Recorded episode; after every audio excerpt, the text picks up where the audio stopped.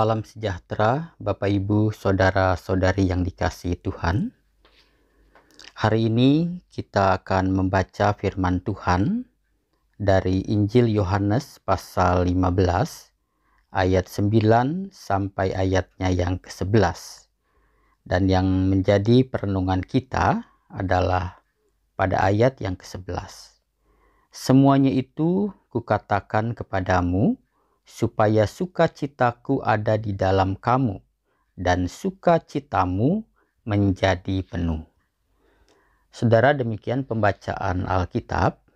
Berbahagialah setiap orang yang mendengarkan firman Tuhan dan yang memeliharanya.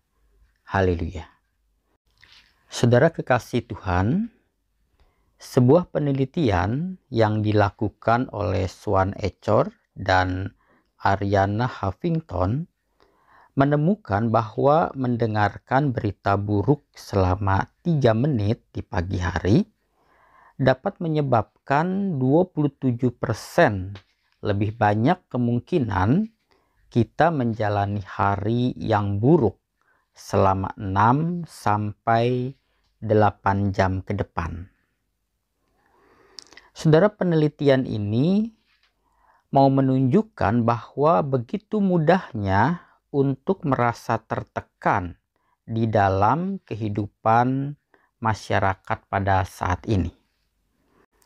Dengan begitu, saudara-saudara, banyaknya penyebab stres saat ini berarti bila kita tidak berusaha untuk memerangi atau mengatasi stres itu, sebenarnya saudara-saudara itu itu berarti kita telah memilih untuk hidup di dalam stres atau di dalam tekanan itu.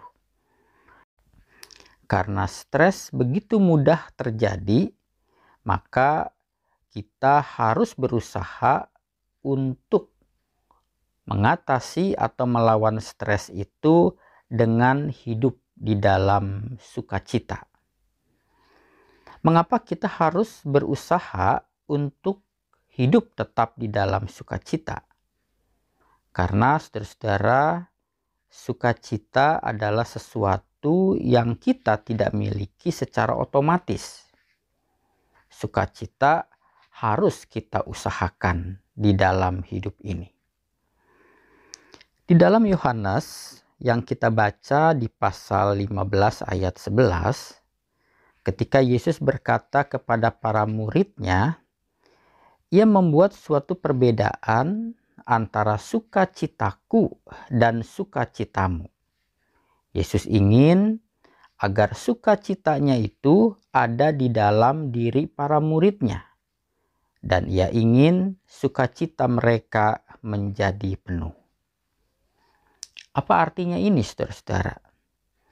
Ini berarti sukacita kita berbeda dengan sukacita Yesus.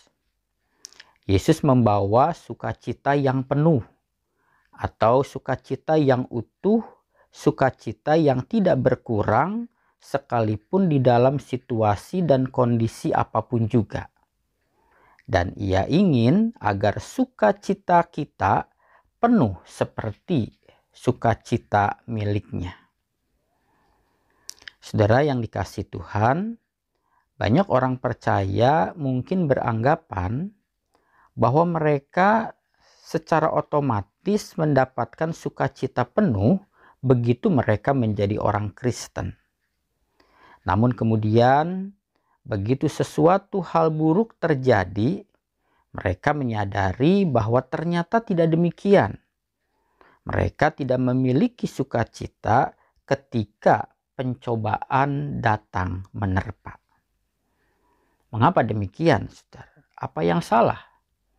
Ketika banyak orang Kristen mengalami pergumulan yang berat, tekanan hidup, sukacitanya menjadi hilang. Dalam Yohanes, saudara-saudara, kita melihat Yesus secara terus-menerus mewajibkan para muridnya untuk memiliki sukacita yang penuh seperti yang dimilikinya. Dalam Yohanes 16 ayat 24 dikatakan, sampai sekarang kamu belum meminta sesuatu pun dalam namaku, mintalah, maka kamu akan menerima, supaya penuhlah sukacitamu. Bahkan saudara, kita juga melihat Yesus berdoa kepada Bapa agar sukacitanya dipenuhi di dalam diri murid-murid. Di dalam doanya Yohanes pasal 17 ayat 13, Yesus katakan, "Tetapi sekarang aku datang kepadamu dan aku mengatakan semuanya ini sementara aku masih ada di dalam dunia, supaya penuhlah sukacitaku di dalam diri mereka. Saudara yang dikasih Tuhan, Yesus berulang-ulang mengingatkan murid-murid untuk meminta sukacita dan ia berdoa kepada Bapa agar sukacitanya memenuhi diri murid-murid. Ini berarti saudara-saudara, sukacita tidaklah otomatis. Ini sebuah upaya suatu pilihan harian yang harus kita buat setiap hari. Hal ini penting untuk kita pahami, terutama karena stres atau tekanan hidup begitu mudahnya melanda kehidupan kita saat ini. Sebagai orang Kristen, kita perlu berjuang untuk mendapatkan sukacita yang penuh seperti yang Yesus kehendaki. Dan sukacita penuh itu hanya ada di dalam Dia, di dalam Kristus. Yaitu ketika kita tetap percaya dan taat kepada firman-Nya. Dalam nas yang kita baca, mulai ayat 9, dikatakan, Seperti Bapa telah mengasihi aku, demikianlah aku juga telah mengasihi kamu. Tinggallah di dalam kasihku itu.